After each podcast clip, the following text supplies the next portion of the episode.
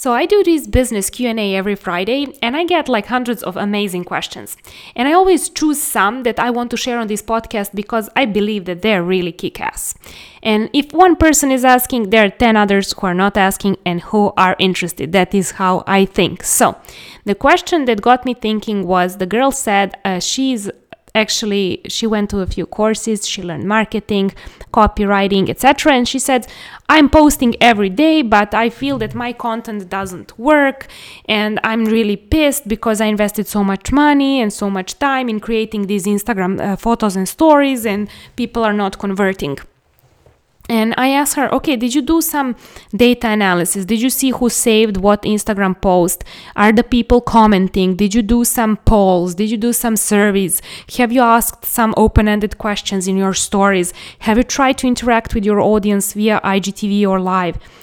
And she looked at like blankly, like she doesn't know what I'm talking about. She's like, no, I mean, um, people are not engaging. And I'm like, yeah, but are you asking them questions?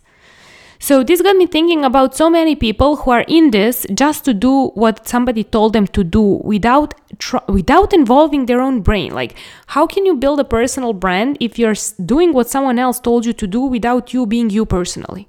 It just doesn't make any sense. Listen, if you're posting content every day and there is no engagement, you know, maybe your content sucks. You know, like why does no one says that? Maybe your content sucks. Maybe you are like a pathetic writer and you need to exercise, you need to practice, you need to polish your skill. Maybe visually it looks lame and people don't like it. Maybe you should then go and learn Canva or some other tool to make your content visually more appealing. Maybe your content is not made for the platform. I see this so much like people posting videos and things on their Instagram that is not made for Instagram. Of course, people are not seeing it. Of course, the uh, algorithm on Instagram is not showing it because it's not even made for that content. For that, uh, that content is not even made for that network actually. So, another problem what can be that maybe you are just pushing it. Maybe you are like into this game of like, I'm going to show up every day, but the content is lame. So maybe you should be showing up once a week. If you don't have anything to say, don't say anything, you know. Just go and say something you need to say, something that you care about. So you need to decide when you are self aware, or you know how much good content can you publish. You will know whether that is every day or every Friday or every Monday or whatever. And make sure that the form of the content is the network where you are posting it. It's not the same on Pinterest, Instagram, Facebook, etc.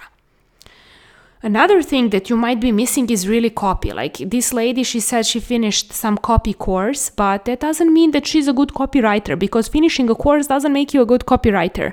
Practicing, like you're exercising a skill, practicing a skill, that is what matters. You have to write at least 100 to have that your own spicy personal style because you're just going to be generic copy. If not, if you don't take the time for 100 of your own, it will not sound legit. And you need to take some time because you can't do it every day, you know, just from the beginning. You need to take some time to think, to read, to write, to practice. Do not give up on yourself. Always ask the followers for feedback. Ask them what kind of content do you guys want, A or B. Are you guys beginners or are you pros? What questions do you have for me?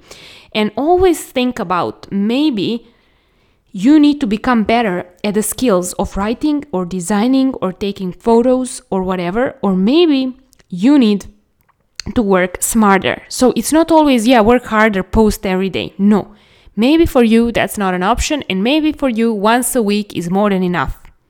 So if your content doesn't convert, maybe some of these are your problems. And if you fix all of these, and you pay attention to writing and design and photos and being specially made for the network you're posting them on then you will see that people will spend more time on your like engaging with your content on your content and then you will actually go into the conversation with them and ask for feedback because what people tell you to do do that don't do just what you want to do. Ask them. They are your audience.